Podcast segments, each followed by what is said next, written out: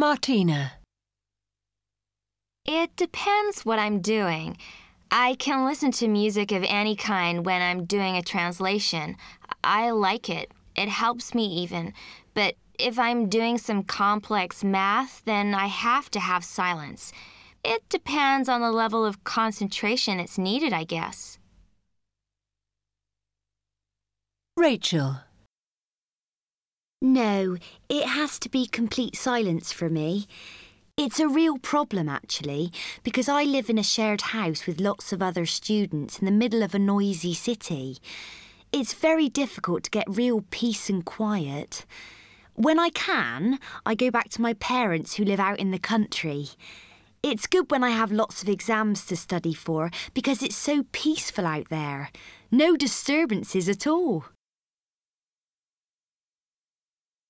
Romesh. A bit of background buzz in the office is essential for me. I like working in a lively atmosphere. People around, chat, the radio on perhaps. It generates an energy which I find helps me concentrate. I once came into work on a Sunday when I had a big project to finish off. The deadline was the next day, and I thought it would be quiet on a Sunday, no one else around. Well, it was quiet, and there was no one here. And you know what? It drove me mad. I couldn't stand it.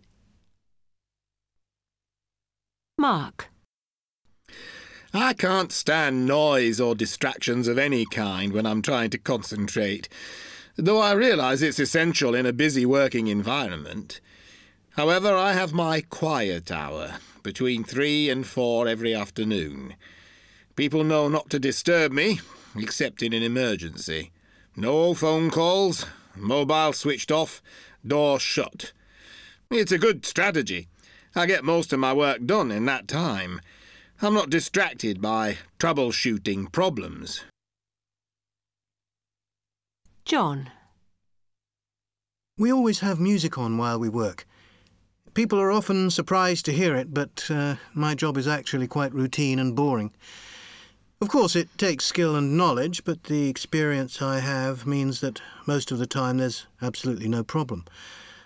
I think we put music on to combat the boredom rather than aid concentration.